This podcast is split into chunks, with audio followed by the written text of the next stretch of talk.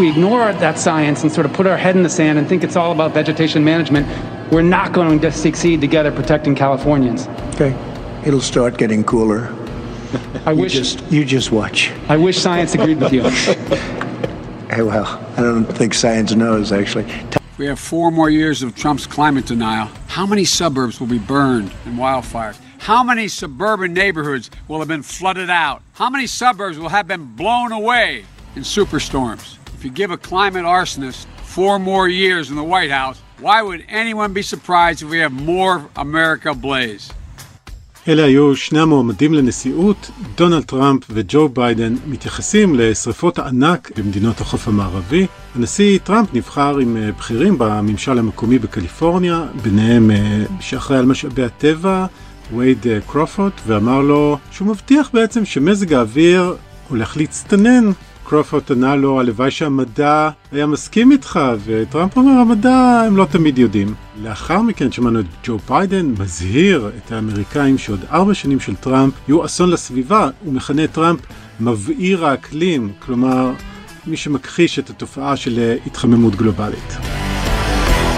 שלום וברוכים השבים לפודקאסט המדריך לטראמפיסט. אני טל שניידר, ואני אורי פסובסקי, והיום בפרק שלנו נדבר על שינויי האקלים לאור השרפות הקשות בקליפורניה, אורגון וושינגטון. אה, נכון לשעה זו 35 אנשים אה, נספו, המראות אה, שרואים משם מאוד קשים, שמיים מכוסים באובך, באבק, בצבעים מזוויעים, בתים ומכוניות שעלו באש, וסיפורי זוועה על אנשים שנלכדו ברכבים, אני לא אחזור כאן על התיאורים, אבל מספיק לפתוח את כלי התקשורת האמריקאים ולהתעדכן. הנשיא טראמפ ביקר השבוע וגם ביידן מנסה למקד את הקמפיין בנושא ההתחממות הגלובלית וההשפעות שלה על אה, מזג האוויר. אורי ואני, אנחנו בחרנו למקד את הרעיון המרכזי היום. בנושא הזה אנחנו נארח את פרופסור קולין פרייס, ראש החוג ללימודי סביבה באוניברסיטת תל אביב, ואת שני אשכנזי, כתבת הסביבה של גלובס המכסה את משבר האקלים. אבל קודם כל, נתחיל בחדשות. אז טל, את מדברת איתנו מוושינגטון די.סי, שאנחנו מקליטים את הפרק, אה, אנחנו בעצם נמצאים כמה שעות לפני הטקס אה, בבית הלבן, שמציין את הסכם השלום בין ישראל לאיחוד האמירויות ואת אה, מזכר ההבנות בין ישראל לבחריין, נגלה מתישהו מה כתוב שם, איך האווירה בוושינגטון? כן, אז שלום לכל המאזינים מלב וושינגטון די.סי. אנחנו באמת פה באיזשהו יום היסטורי שישראל נכנסת לעידן חדש. עם מדינות uh, בתור התחלה שתיים, אבל יבואו עוד, מדינות שאיתן היא ניהלה מערכות יחסים סודיות. היום, בחודש האחרון, אבל היום ביתר שאת יוצאים לאור, ויכוננו יחסים דיפלומטיים מלאים. הראשונה היא באמת איחוד האמירויות, ואני חייבת להגיד לך ביום כזה, אנחנו כאמור, אה, אנחנו מקליטים את הפרק ביום אה, שלישי לפנות בוקר, ככה משהו כמו חמש או שש שעות לפני טקס החתימה, אני רוצה להגיד לך שזה אירוע ורגע שמנהיגים ישראלים רבים חלמו עליו, ונכון שאיחוד האמירויות לא, לא הייתה במלחמה עם ישראל, נכון שאין גבול משותף למדינות, נכון שברקע יש עסקת נשק עצומה שתשפר את מעמדה הביטחוני של איחוד האמירויות, ועדיין עבור ישראל זה רגע משמעותי. ישראל עשתה פה ויתור על, על הקונספט, על הרעיון של הסיפוח, אני אומרת את זה בכוונה כקונספט ורעיון, כי זה ממילא זה לא הרגיש כמשהו אמיתי במהלך השנה האחרונה, למעט uh, ויכוח קמפיין, ככה, זה לא, לא הייתה תחושה שזה אירוע שהולך uh, להתרחש. אבל טל, איך האווירה בוושינגטון? איך, את יודעת, מצליחים להתנתק שם מכל הסיפור של הקורונה למשל? טוב, האמת שלא מצליחים להתנתק, זה מרחף uh, מעל, מעל כל מה שקורה כאן. אה, קודם כל אמרתי, אנחנו נמצאים בתוך העיר, אני יושבת כאן במלון, מעל רחוב 14, אני משקיפה לרחוב הראשי, רחוב 14 זה אחד הרחובות העמוסים והסוענים של העיר, ואין okay. אוקיי. נפש חיה ברחוב, לא, בטח לא בשעה שאנחנו מקליטים, אבל גם אתמול במהלך כל היום. העיר נראית בהדממה. מלמעלה אני רואה בתי קפה ומסעדות סגורות, במשרדים ריקים, וכל הסיפור של הקורונה הוא מרחף גם uh, מעל כל המשלחת הישראלית שנמצאת כאן. אתה יודע, יצאנו מישראל בראשון בלילה עם החלטת סגר, טסו, טסו לכאן, וזה מאוד קשה ובעייתי, כולם ערים למה שמתחולל בארץ, וגם את הטקס בבית הלבן, מלווים עד הרגע האחרון מעין ויכוחים בין הישראלים לאמריקאים. לנתניהו קריטי להראות למצלמה שהוא מקפיד על הכללים, על הריחוק, על המסכות. הוא יודע שכל דבר הכי קטן שישדרו בטלוויזיה ויראו אותו לא ב- לפי הכללים, הוא יאבד את הישראלים. גם ככה כן. בארץ הכל נפיץ מאוד מבחינת מרי אזרחי ובעלי עסקים וכולי, אז זה, זה מאוד קשה. ואצל טראמפ צריך להגיד, נמצא כמובן בתוך קמפיין, אז הקמפיין שלו הוא בדיוק הפוך. הוא לא רוצה לעטות מסכה באירוע כזה, הוא רוצה להיות מצולם בפניו. המשלחת הישראלית מבקשת ריחוק ושכולם יהיו עם מסכות, אנחנו מדברים פה על מאות אנשים, יכול להיות שזה יגיע אפילו לאלף איש. Mm. ובבית הלבן עשו לנו תדרוך בטלפון עם בכירים מה-White House, והם אמרו, אנחנו עודדנו, אנחנו מעודדים את הציבור שמגיע לטקס לעטות מסכות, אבל אנחנו לא מחייבים, אנחנו מודעים לרגישות הנושא בישראל, אבל אצלנו אין חובה, ממש כך. אה, כאילו הכל עניין של התדמית, אבל גם אנשים יכולים להידבק בתכלס, כלומר. נכון, וטראמפ עשה גם השבוע אירועים פוליטיים במרחב סגור, באולמות סגורים, כשאנשים יושבים לא בריחוק של שני מטר, ללא מסכות, שאלו אותו את זה מהקהל, והוא אמר, מה אתם רוצים? אני על הבמה, אני רחוק מכם.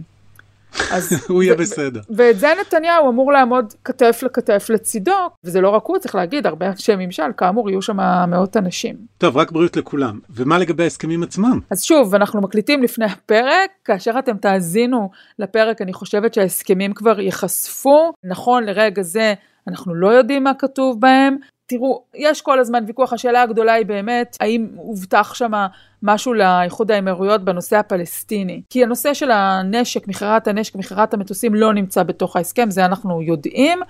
הניסוחים בנוגע לנושא הפלסטיני, האם הנושא של אה, הבטחת סיפוח, הבטחת אי סיפוח נמצא שם או לא, בקיצור, כן. נצטרך לחכות, מה שנקרא. כן, יכול להיות שעד שהפרק הזה יצא כבר נחכים יותר. כן. מה, מה אתה מביא לנו אורי מבחינת החדשות של השבוע? את יודעת, שבוע שעבר דיברנו אה, על הכתבה באטלנטיק שקצת קלקלה לטראמפ את אה, ה-news cycle, השבוע אה, יש את הריאיון של הנשיא טראמפ עם בוב וודוורד מהוושינגטון פוסט. וודוורד הקליט אותו לפני כחצי שנה אה, בסדרה של ראיונות ושמר את ההקלטות, הוא עכשיו אה, מפרסם אותם לקראת ספר שהוא מוציא. באחת ההקלטות של שיחה ביניהם בשביעי בפברואר 2020, שמשמיעים אותם, חוזרים להקלטה הזאת שוב ושוב בארצות הברית, שומעים את טראמפ, מסביר בזמן אמת עד כמה וירוס הקורונה קטלני פי חמישה יותר משפעת. So that's a very tricky one, that's a very delicate one. Uh, it's also more deadly than your, you know, your even your strenuous flus. You know, people don't realize we lose 25,000, 30,000 people a year here. Who, who, would ever think that, right? I know. It's I mean, it's pretty forgotten. amazing. And uh, then I say, well, is that the same thing? For, this is uh, more deadly. This is five per, you know, this is 5% versus 1% and less than 1%. You know, so this is deadly stuff. כן, אז זה היה קטע מ-CNN, ואורי, אתה יודע, אני שומעת את הקטע הזה, ופתאום טראמפ נשמע אדם הגיוני שמדבר, ש, שמודע למה שהולך מסביב. מה, איך זה מסתכל? כן. הבעיה היא שבזמן אמת, באותו זמן, את יודעת, זה היה ימים מוקדמים, והוא אמר אה, לאמריקאים שהווירוס ייעלם עד אפריל, שכל הקורונה זה הוקס, מתיחה, אה, שהוא פשוט, אה, את יודעת, will go away, פשוט אה, ייעלם, לא יפגע בכלל בארצות הברית, אה, ואת יודעת, עכשיו מאשימים אותו בזה שהוא פשוט שיקר לציבור במצח נחושה לגבי אה, חומרת המצב. וכמו שהזכרת, זה מתחבר עם מה שקורה עכשיו, כשגם כעת טראמפ לא מקפיד על מסכות, כמו שאמרת, עורך הצהרות ציבוריות במקומות סגורים, כשגם הקהל בלי מסכות, כולל אה, השבוע הוא ערך עצרת בנבדה, באולם סגור. בניגוד להוראות של נבדה עצמה ותוך התנגשות שם עם המושל וחייבים להגיד שבטולסה אה, בעצרת שלו באוקלאומה שדיברנו עליה זה נגמר לא טוב כולל אנשים שידוע ש... שנדבקו שם ו... והלכו לעולמם. אורי תגיד יש לנו איזה חובה למאזינים אה, משבוע שעבר בנוגע למצב המימון של הקמפיינים זוכר את זה? הבטחנו? כן, כן, הבטחנו ולכן נקיים, טראמפ נמצא במצוקת אה, מזומנים מהים מאמין, את יודעת. הרי דיברו על זה שהוא גייס המון כסף, מעל מיליארד דולר, הבעיה היא שהוא גם אה, הוציא סכומים גבוהים במיוחד, כשלפני חמישה חודשים עדיין היה לו פער כספי מאוד גדול מול ביידן, ופשוט הם הצליחו למחוק את הפער הזה בקמפיין שלו. קודם כל זה מדהים אותי תמיד אה, שבקמפיינים ככה רואים את כל הנתונים הכספיים בזמן אמת ואפשר לעשות אה, דיון אה, כלכלי פוליטי נטו. כן, כן, תשמעי, החוק בארצות הברית מחייב שקיפות מאוד גבוהה יחסית בנוגע לתרומות לקמפיין. את יודעת, הרבה פעמים מסתכלים אנליסטים ופרשנים על גיוס התרומות כאיזה אינדיקציה שאומרת לך כמה קמפיין מצליח או נכשל, אבל פה האמת הבעיה היא לא בצד של ההכנסות, אלא בצד של ההוצאות. כי טראמפ גייס בשנה וחצי האחרונות כ-1.1 מיליארד דולר. ועד ליולי הוציאו יותר מ-800 מיליון דולר, כמה חודשים uh, טובים לפני הבחירות. והבעיה היא בעצם שטראמפ התחיל את הקמפיין מוקדם מדי, כשאנשים כן. uh, לא היו בקשב. אם את זוכרת, נגיד, היה פרסומות לסופרבול. בפברואר, כשטראמפ לא התמודד מול אף אחד בפריימריז, הוא הוציא 11 מיליון דולר על שתי מודעות ב-prime time של הסופרבול. זה אמנם, אה, את יודעת, הראה נוכחות ויוקרה, אבל הכסף הלך וגם... יש שם הוצאות מאוד גבוהות, היה את הדמות הזאת שהזכרנו בפודקאסט, ברד פרסקל, כן. מנהל הקמפיין שקנה לעצמו פרארי, הוא כבר לא איתנו ובמקומו נכנס uh, ביל סטפיאן, שעיקר פעילותו כיום היא לקצץ בהוצאות, וואו. אני לא יודע אם זה מקום שבו היית רוצה שהקמפיין uh, יתמקד כל כך קרוב לבחירות. מה המצב בכסף אצל ביידן? הוא גייס הרבה מאוד תרומות באוגוסט אה, והוא שומר את הכסף לסוף כי את יודעת בין אפריל לב... ליולי ביידן כמעט לא יצא מהבית לא עשה קמפיין חסך בהוצאות כמו כולם בקורונה ו... וגם הדמוקרטים חייבים להגיד להבדיל מהרפובליקנים יש קצת אה, פחות עבודת שטח כרגע הרפובליקנים לפחות מספרים שמתרוצצים. אה, בשטח דופקים לאנשים על הדלת רואים ככה מיליון אנשים בשבוע. זה נשמע גרוע עבור הדמוקרטים אם הם לא בשטח, ואני רוצה להגיד גם שנשיא מכהן יש לו הטיה אה, טבעית, יש לו יותר חשיפה, אז אולי זה שאין לו מספיק כסף, מפצה במידה מסוימת בכך שהוא המכהן והנוכחות שלו. כן, זה משחק לטובתו, כי את יודעת, אם מסתכלים למשל על הטלוויזיה, שבכל זאת היא עדיין מדיום חשוב, ואפשר לראות שטראמפ נאלץ לחתוך שם בהוצאות. אה, לפי בלומברג, טראמפ הפסיק לפרסם בטלוויזיה במישיגן ופנסילבניה, שאלה שתי מדינות סופר חשובות. Mm-hmm. וגם אם מסתכלים קצת uh, במבט אחורה יותר, בחודש החולף, אפשר לראות שביידן הוציא ממש בסדרי גודל יותר מטראמפ במדינות כמו וויסקונסין, פלורידה, אריזונה, צפון קרוליינה, מדינות מאוד חשובות, אבל כמו שאת אומרת, טראמפ שולט ב-news cycle, mm, אז אולי, אולי הוא לא צריך מודעות, יש לו טקס חתימה חגיגי בבית הלבן. נכון, נכון. זה המשמעות של קמפיין היבחרות מחדש, שבעצם האמריקאים נוטים לרוב להשאיר נשיא מכהן לעוד ארבע שנים, המקרים המאוד חריגים ומאוד מצומצמים הם שנשיא מכהן הפסיד, ויש לו את כוח המשרה, זו, זו המציאות. נעבור עכשיו לראיון עם פרופסור קולין פרייס, ראש החוג ללימודי סביבה באוניברסיטת תל אביב, ומי שעשה את הדוקטורט וגם את הפוסט-דוקטורט שלו בארצות הברית, וחקר נושאים כמו שריפות, אה, ואפילו חזה בשנות ה-90 את התמונות שאנחנו אה, רואים אה, בימים אלו בקליפורניה. ואיתנו נמצאת היום גם כתבת הסביבה של גלובס, שני אשכנזי, המכסה את משבר האקלים. אז שלום לך קולין, שלום שני. שלום, שלום. לפני שנקפוץ לשאלות, בואו אה, נשמע לרגע קטע מתוך השידורים בארצות הברית, בו הנשיא טראמפ מסביר שהנפולת והנשורת של עלים יבשים אה, וענפים הופכת אה, לדבר קטלני בשילוב עם חום כבד. את הטיעון הזה של, אני לא יודעת איך לקרוא לזה, רצפת היער או רצפת החורש הטבעי, שהופכת לחומר בעירה, אנחנו שומעים אותו הרבה פעמים מתושבי קליפורניה שכבר סופגים ומתמחים בסוג הזה של האסונות, אז בואו נקשיב לרגע לנשיא. A short period of time, about 18 months, they become very dry, they become really like a matchstick. And they get up, you know, there's no more water pouring through, and they become very, very, uh, they just explode. They can explode. Also, leaves when you have years of leaves, dried leaves on the ground, it just sets it up. It's really a fuel for a fire. So they have to do something about it. They also have to do cuts. I mean, people don't like to do cuts, but they have to do cuts in between. So if you do have a fire and it gets away, you'll have a 50 yard cut in between. So it won't be able to catch to the other side. They don't do that. אז זה היה קטע משידורי הרשתות הגדולות, מקרינים את זה פה פעם אחר פעם.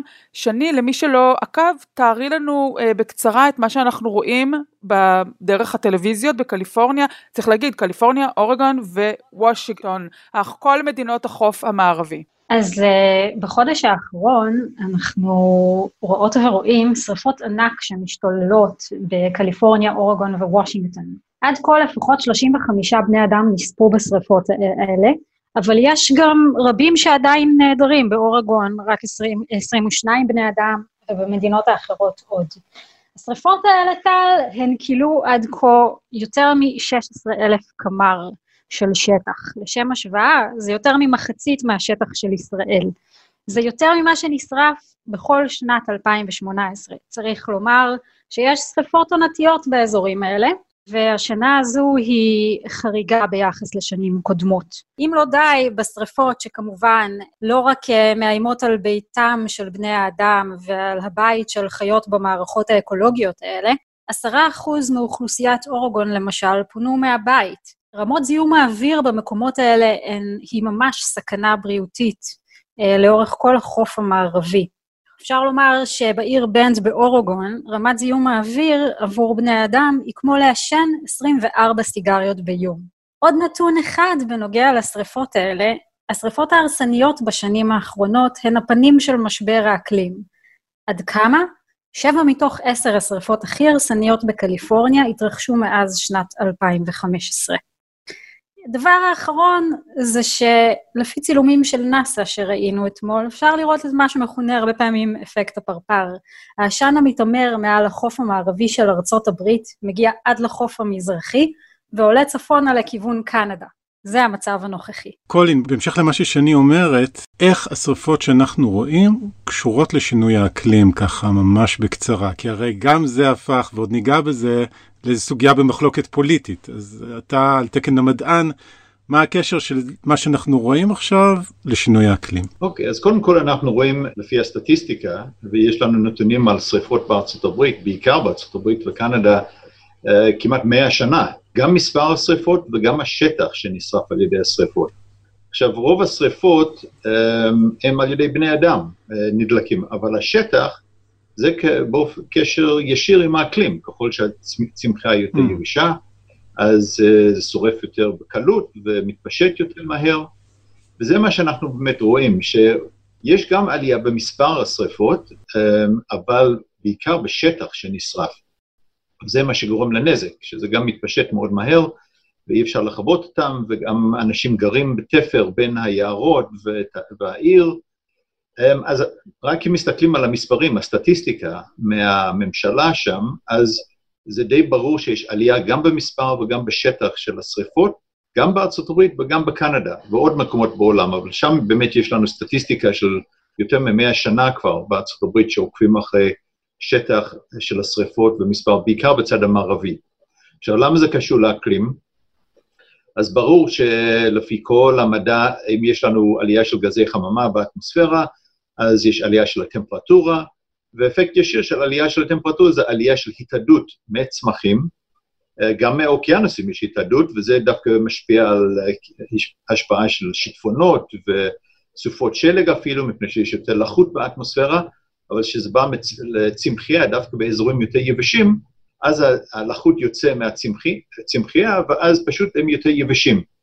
כמובן צריכים להדליק את השריפות, כמו שאמרתי, הרוב זה על ידי בני אדם, אבל דווקא עכשיו, לפני חודש-חודשיים, הרבה מהשריפות היו דווקא על ידי ברקים. וזה באמת היה המחקר שלי לפני 30 שנה, שגם יש עלייה ביובש של הצמחייה, אבל גם יש עלייה של סופות רעמים. ולפעמים ברק לא פוגע דווקא איפה שהגשם, אז עדיין יכול להתחיל שריפות, ומה שהכי חמור עם סופות רעמים ושריפות, שבדרך כלל יש הרבה סופות באותו יום.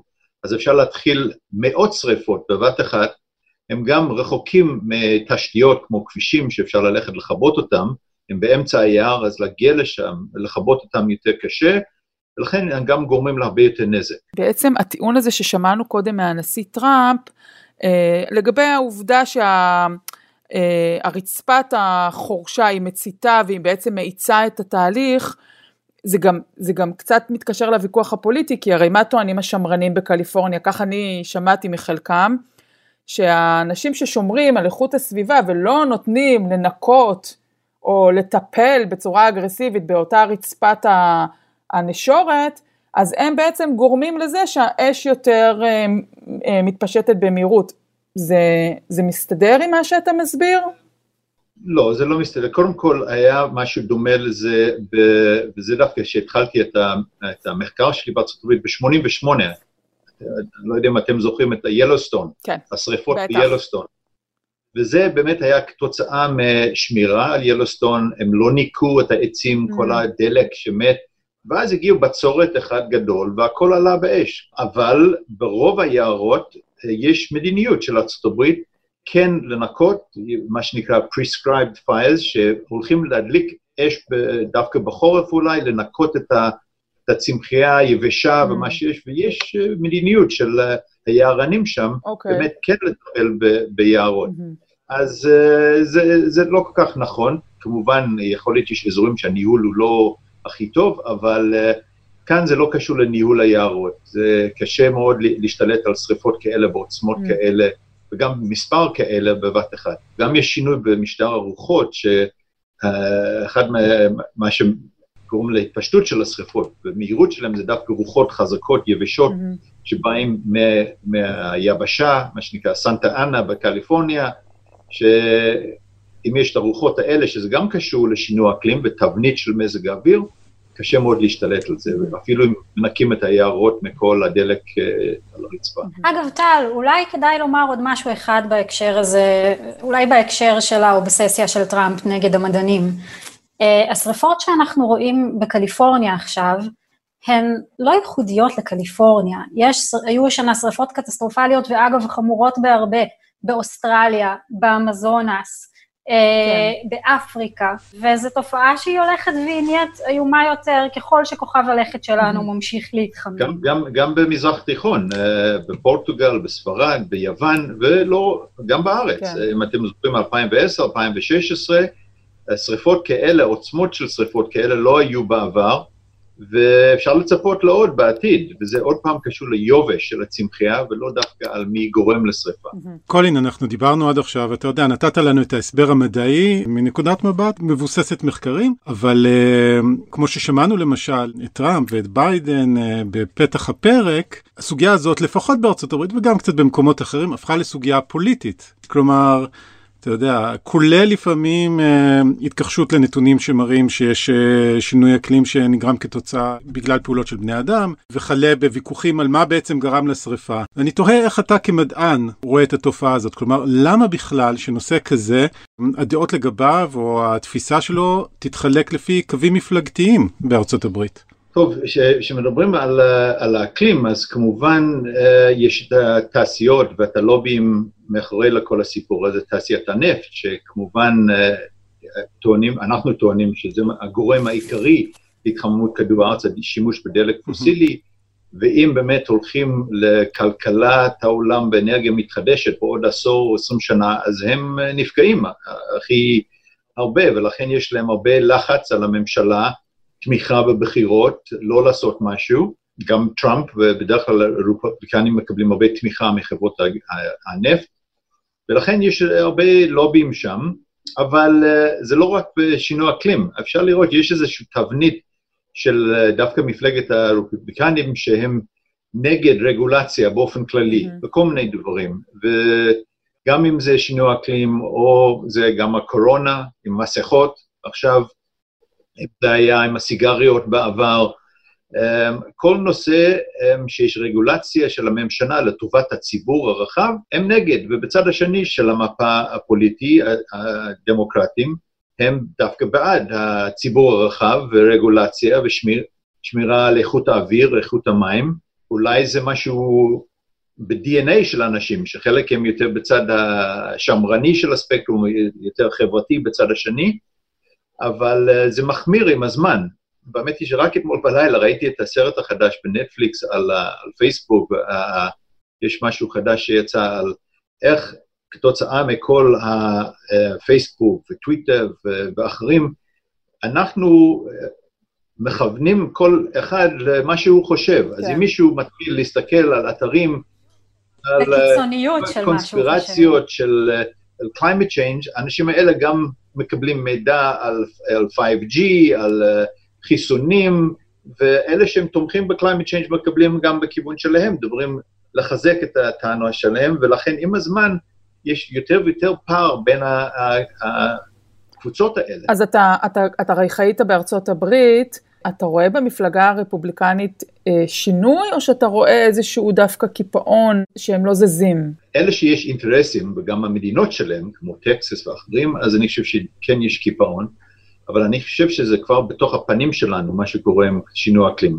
קשה מאוד להגיד שמשהו לא קורה. כמובן הם יכולים להגיד שזה עדיין משהו טבעי ולא כתוצאה מבני אדם, אז יש איזשהו שינוי, אבל אה, דווקא בגלל היציאה מפריז 2015, כן.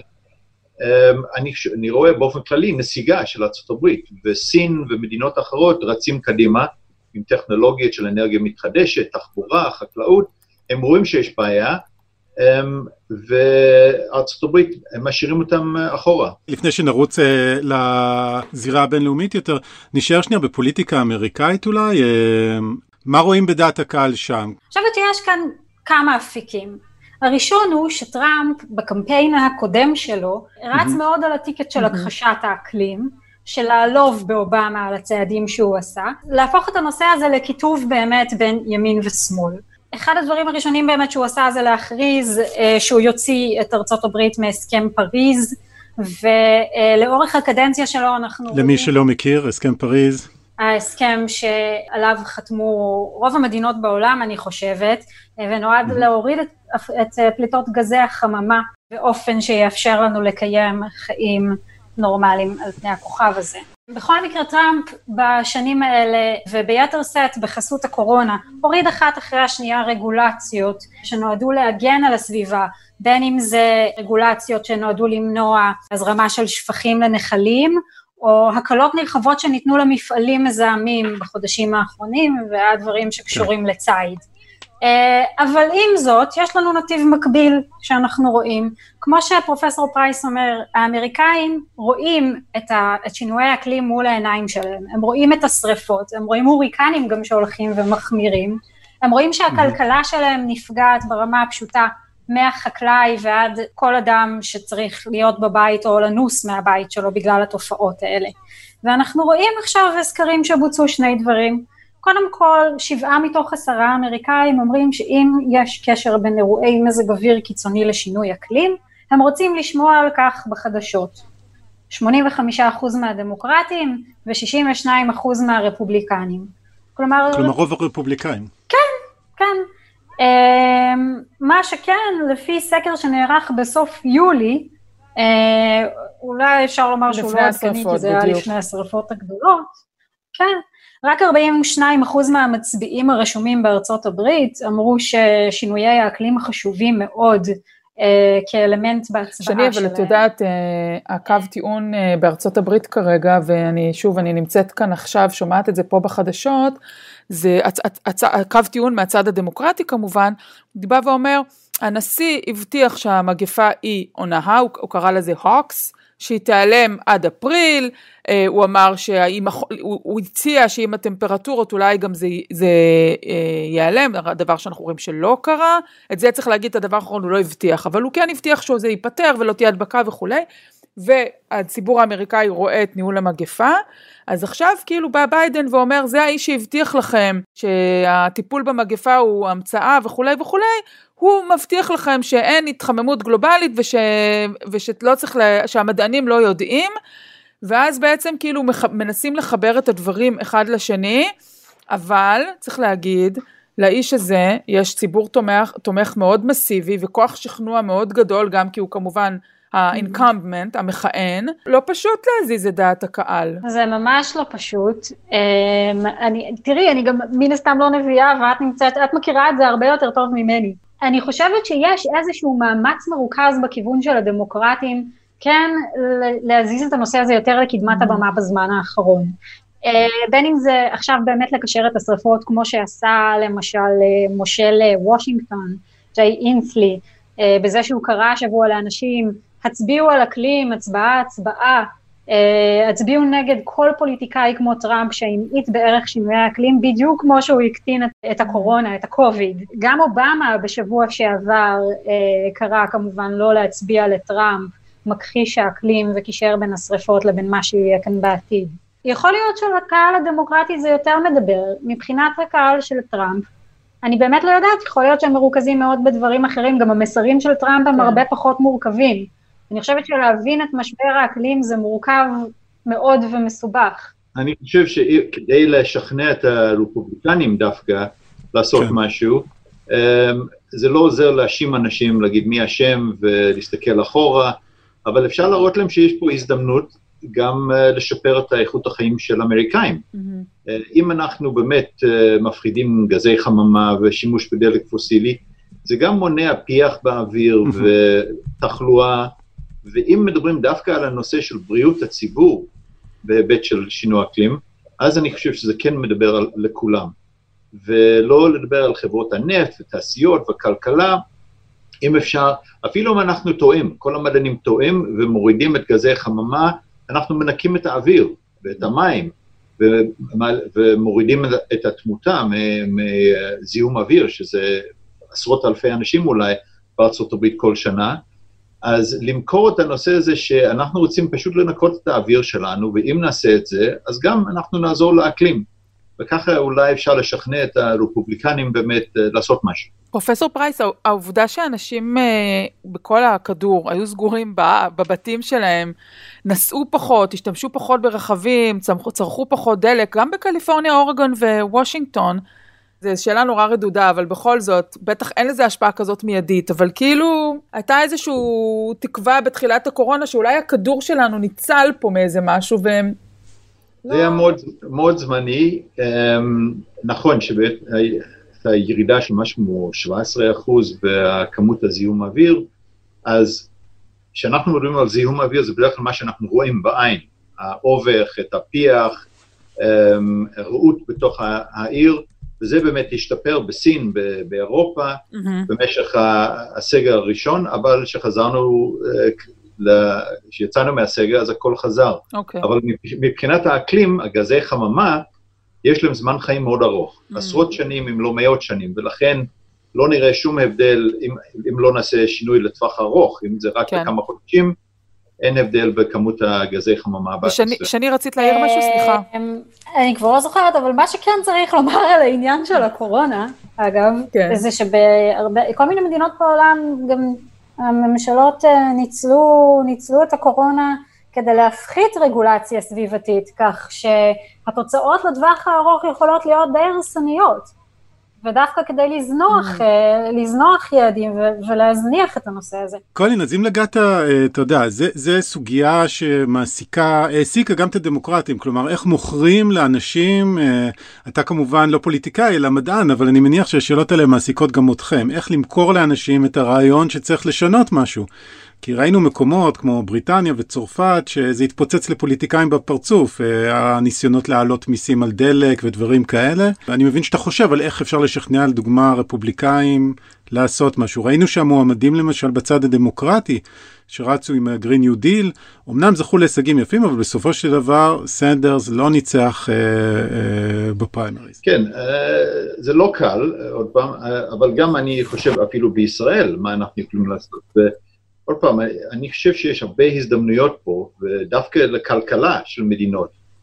ולמשל, אם מסתכלים על ישראל, שאנחנו מובילים בכל תעשיית המים, טיהור של מים, מחזור של מים, 86 אה, אחוז מהמים שלנו, הביוב שלנו עובר מחזור, אנחנו ראשונים בעולם, למה לא להיות אותו דבר באנרגיה, אנרגיה מתחדשת? והצד הכלכלי זה באמת הזדמנות גם לישראל, גם אולי לאמריקאים, להוביל פה. זה, זה יקרה, אם זה יקרה העשור הזה או עוד עשור, הטכנולוגיות לאנרגיית שמש, רוח, הם כבר יותר זולים מדלק פוסילי.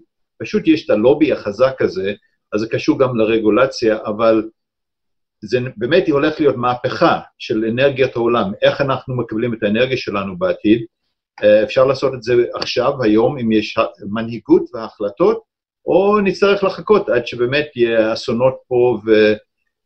יהיה איזה שינוי של דעת הציבור, אבל אפשר לשכנע אנשים לעשות משהו אם רואים שהם מרוויחים כסף מזה. יש מישהו שמצליח לעשות את זה? אתם דיברתם הרבה על החוזקה של הלובי של האנרגיה, אני תמיד חושבת על הלובי של החקלאים. לדוגמה באיואה יש לובי חקלאים חזק ושם הם קצת אה, הפוליטיקאים הרפובליקנים. טיפה אולי מנסים עם התירס וכולי, אבל הם לא מספיק חזקים. כן. אני, היום אני לא כל כך בקיא במה שקורה בארצות הברית, אבל באירופה כן מצליחים. כאילו, הם דוחפים את זה חזק באירופה, כל המעבר הזה לאנרגיה מתחדשת, אם זה שמש, רוח, אמ, ותוכניות, גם רגולציה. דברים הכי קלים שאפשר לעשות, למשל בבניינים, רוב האנרגיה זה לקירור וחימום של הבניין, אבל פשוט רגולציה על בידוד טוב של החלונות יכול לחסוך הרבה אנרגיה, בלי שום טכנולוגיה.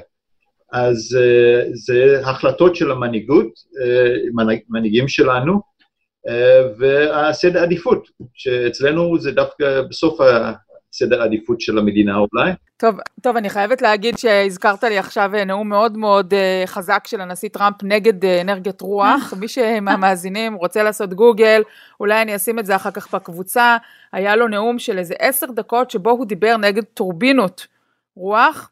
והסביר כמה טורבינות אה, מזיקות לעולם בהמון היבטים שהוא פרס שם אה, ציפורים מתות ועוד כל מיני דברים. אה, באמת הפער אולי בין הפוליטיקאי הספציפי הזה לבין שיח שאנחנו רואים באירופה וגם במדינות אחרות הוא, הוא באמת, הוא, הוא בלתי ניתן לגישור. אה, שני, סליחה, רצית אה, להוסיף? כן, אבל זה בדיוק, זה בדיוק מה שרציתי לשאול דווקא אותך ואת אורי. כשניים שמבינים היטב את, ה, את הציבור ואת הזירה האמריקאית. האם אנחנו באמת יכולות לומר שסנדרס ו-AOC נכשלו? הרי תשימו לב, הבן אדם הזה הוא גרם לאיזשהו backlash די רציני. הוא מכחיש אקלים, אבל בסוף, כשאצלנו בארץ, בכלל לא מדברים על זה במערכת, במערכות בחירות, וגם לא מדברים על זה, לא בהקשר של יציאה מהקורונה ולא בהקשר של כמעט כלום בממשלה. זה פשוט נושא מושתק אצלנו בין הפוליטיקאים. יש מישהי אחת אולי בכנסת שזה מעניין אותה, אז דווקא שם אנחנו יכולות לדעתי לראות שכן יש יותר התעוררות ציבורית, זה כן במרכז שיח של פוליטיקאים, גם אם המועמד הדמוקרטי כרגע לא הכי רוצה ואולי טיפה כן יותר מחובר לבעלי הון, די דוחפים אותו מאחורה חזק חזק לתוך הנושא הזה. תראי, אני, סנדרס היה לו איזושהי סיסמה במהלך הקמפיין לגבי ה-climate change, האמת שאין לי את זה מול העיניים, היה לו מילים אה, מאוד מאוד קשות, הוא נתן כותרת שה-climate change זה ברמה, הוא לקח את זה לטקסט נורא נורא חריף, אה, נורא קיצוני. ולפעמים בטקסטים הקיצוניים קצת מאבדים את הקשב, כי, כי זה היה נשמע אפילו רדיקלי במידה מסוימת, ואני לא יודעת כמה...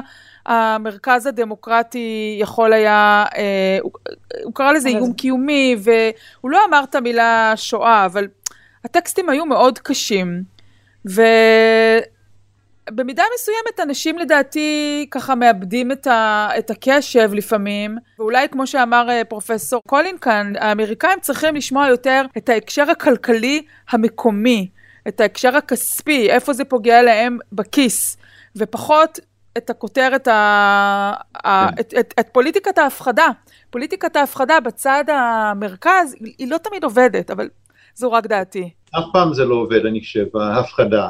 זה הולך להיות קצת מפחיד בעתיד, בעתיד אבל אנשים אמ, בדרך כלל אפילו אומרים שאם זה כל כך נורא, אז אי אפשר לעשות כלום. אז ההפחדה, אני מסכים, אני לא הייתי הולך לכיוון של הפחדה, מפני שזה לא עוזר. רוצים לבוא, להגיד שיש לנו בעיה, אבל גם יש הזדמנות גם הזדמנות כלכלית לפתור את הבעיה ולהרוויח כסף, וגם לנקות את האוויר באותו זמן, זה יהיה יותר בריא לנו, לילדים שלנו, לנכדים שלנו, ואם זה גם עוזר לאקלים, אז טוב, אבל אה, צריכים באמת לדבר על הצד הכלכלי ואיך אפשר באמת להרוויח מהמצב היום. אוקיי, okay, אז קודם, אה, משהו שהתחלת להגיד קודם, אולי ניגע בו ככה לסיום, אה, אם ניקח זום אאוט, כי אנחנו מדברים פה על בעיה שהיא התחממות גלובלית, לא תופעה אמריקאית. אה, אבל בכל זאת ארה"ב היא מובילה בעולם, וטראמפ די מוקדם בקדנציה שלו יוצא מהסכם פריז, צעד שזעזע הרבה אנשים. אני תוהה איך זה נראה בפרספקטיבה שלך, כלומר כמה נזק או לא הצעד הזה של טראמפ עשה. נדמה לי שביידן כבר הכריז שהוא יצטרף מחדש אם הוא ייבחר. כן, אני חושב דווקא אולי צריכים להגיד תודה לטראמפ שהוא יצא מהסכם פריז, מפני שאני חושב שזה היה לזה איזה אפקט הפוך. מיד שהוא יצא, כולם דיברו על הסכם פריז ועל האקלים, ו... וגם מדינות אחרות בעולם, בעיקר סין והודו, והתחילו לרוץ קדימה, והשאירו את אמריקה אחורה. אז יכול להיות שהוא עשה לנו טובה, ואנחנו רוצים דווקא להודות לו שיש כל כך הרבה דיון, גם כל ה... הילדים שהתחילו עם גרטה וכל התלמידים עם המחאות שלהם, יכול להיות שהוא היה ההתחלה של התהליך הזה. ורואים היום שבאמת באירופה וגם בסין, אפילו שהם יוצאים הרבה אנרגיה ועושים הרבה דברים לא טובים, הם מובילים את העולם באנרגיה מתחדשת. משקיעים המון בתחום הזה, מפני שהם רואים שהאוכלוסייה שלהם לא יכולים לנשום. אי אפשר לנשום בבייג'ינג, אז הם חייבים לנקות את האוויר, אולי לא בשביל האקלים, אבל בשביל איכות הציבור שלהם, איכות החיים. ועם זה שמנקים את האוויר, אז גם זה עוזר לאקלים, מפני שזה מוריד גזי חממה. אז הסינים רצים קדימה, יש להם חזון לעוד 30 שנה לרשת את כל העולם עם אנרגיה מתחדשת, לקנות שטחים בצפון הסהרה, בצפון אפריקה, לשים חוות סולאריים, למכור את החשמל לאירופאים. זה טריליונים של דולרים, אבל יש להם חזון וכבר מפות יש, באינטרנט אפשר לראות על הרשת שהם רוצים להקים בכל העולם, אז העולם ממשיך קדימה. לסיום, שני, אה, יש לנו את העימות ה... בין הנשיא טראמפ לביידן בשבוע הבא, זה יוצא עשרה ימים, זה יוצא מוצאי יום כיפור. אני פשוט רוצה לשאול אותך אם את, אני מזכירה למאזינים את העימות, אנחנו בטוחים שנושא האקלים יצוץ, ואני שואלת אותך אם את תבואי לשמוע ומה הציפיות שלך מהוויכוח בין שני הג'נטלמנים האלו. וואו, מה הציפיות שלי? קודם כל אני אחכה לקרוא אצלך מה בדיוק קרה שם, כי אני מניחה שאני ישן בזמן הזה. לא תקומי בארבע בבוקר. לא הייתי מציעה שתבני על זה, אבל את יכולה לנסות להעיר אותי ולראות מה קורה. תראי, בגדול הציפייה שלי היא שבסופו של דבר הציבור יקשיב. הציבור יסתכל על שני האנשים האלה ויבין שכך או כך פוליטיקאים בסוף משחקים בחיים שלנו. גם אם טראמפ יכול להתווכח עד מחר או מחרתיים על כן משבר האקלים או לא משבר האקלים, כך או כך בסופו של דבר תושבי אה, הערים בארצות הברית צריכים לצאת מהבית וללכת ברחוב במצב שבו הפיח השחור נכנס להם הישר לריאות מהתחבורה המזהמת ויכול להוביל למותם מסרטן ומשלל מחלות אחרות. הם צריכים ללכת ברחוב שבו אין להם צל, לשתות מים לא נקיים, ובסופו של דבר לשאת על גופם את התוצאות של המשבר האקולוגי. אז אני מאוד מקווה שהם יגידו לעצמם, אתם יודעים מה, זה לא משנה אם הבחור הזה צודק והוא טועה, אני רוצה לקום למציאות שבה אה, החיים שלי הם יותר טובים במקום שאני חי בו.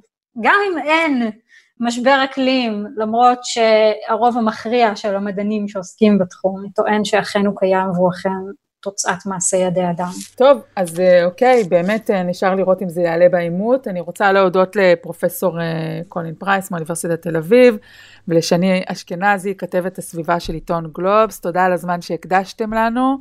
תודה לכם. להתראות. ביי, תודה רבה. להתראות, ביי. טוב, אורי, עברנו לפינאץ? כן. יאללה, מה הבאת לנו? תראה, אני הפעם עם uh, מין פדיחונת קלילה כזאת שעושה קצת רעש בטוויטר uh, ביממה האחרונה. מודעה, uh, מודעה דיגיטלית האמת. את יודעת, אנחנו כמה ימים אחרי uh, יום הזיכרון של ספטמבר 11, mm-hmm. וסביבו, קצת לפני, קצת אחרי, קמפיין uh, טראמפ שחרר מודעה דיגיטלית uh, שבו הסלוגן uh, support our troops, תמכו בכוחות שלנו, אומרים ככה חיילים, מטוסים מעליהם, מין כזה imagery צבאי. הבעיה היא שבמודעה הזאת הופיעה בת... בטעות תמונה, אה, תמונת stock, מה שנקרא, תמונה שלוקחים אותה ממאגרי תמונות, כן. ובמקום מטוסי קרב אמריקאים, רואים שם את החיילים עם תמונה של מטוס קרב רוסי, מיג 29, מתעופף להם מעל הראש. יפה, הקשרים, ל... הקשרים לרוסים תמיד כנראה לא יעזבו אותנו לעולם בקמפיינים האלו. ו- וכן, את יודעת, באמת אה, בפוליטיקו שם מצאו את המקור של זה, בשאטרסטוק, אה, למי שלא מכיר זה אתר ענק לרכישת תמונות, ולא רק ש- שיש שם מטוסי מיג טסים מעל החיילים, אחד מהם גם מחזיק קלצ'ניקוב. כן. זה סתם דבר טיפשי, כן? אבל אם דיברנו קודם על היכולת לשלוט בניו סייקל, אז פדיחות כאלה נראה לי קצת מקלקלות, ופתאום מדברים על זה במקום על מה שהקמפיין היה רוצה שידברו. מודה מצחיקה. טל, מה את מביאה לנו? אורי, בוא נדבר אה, על חברת הסרטים דיסני. כן. אה, הסרט החדש אה, שלהם מולן 2020, אה, Mm. יצא להפצה בראשית חודש ספטמבר, ממש עכשיו. הוא היה במקור אמור לצאת אה, במרס, אבל הוא נדחה בגלל הקורונה, ויש בימים אלו קידום אה, מכירות מסיבי לסרט. אה, בתי הקולנוע לא כך פתוחים, אבל מוכרים אותו בדיסני פלוס, למנויים וכולי. ויש גם הרבה ביקורת על הסרט, כי הכוכבת הראשית שלו, ואני מקווה שאני אומרת את השם נכון, ליו יפי, או ליו יפ- יפי. אה, היא בעבר תמכה במשטרת הונג קונג, אה, בדרך שבה טיפלו במפגינים, 2019, זה כבר היה לפני יותר משנה, אבל לא שוכחים לה. כן. וכל הזמן מתעוררת ביקורת על האופן שבו דיסני צילמה את הסרט במחוז סיני, אותו המחוז בו אה, הממשל הסיני, המשטר הסיני מטפל ב...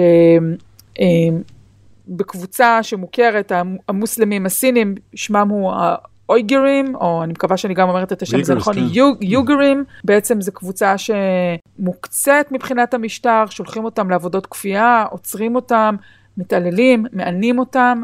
יש כן, המון... מחנות ריכוז. מחנות ריכוז, מדובר על קבוצה של, של יותר ממיליון עצ... אה, אנשים שעצורים בכפייה.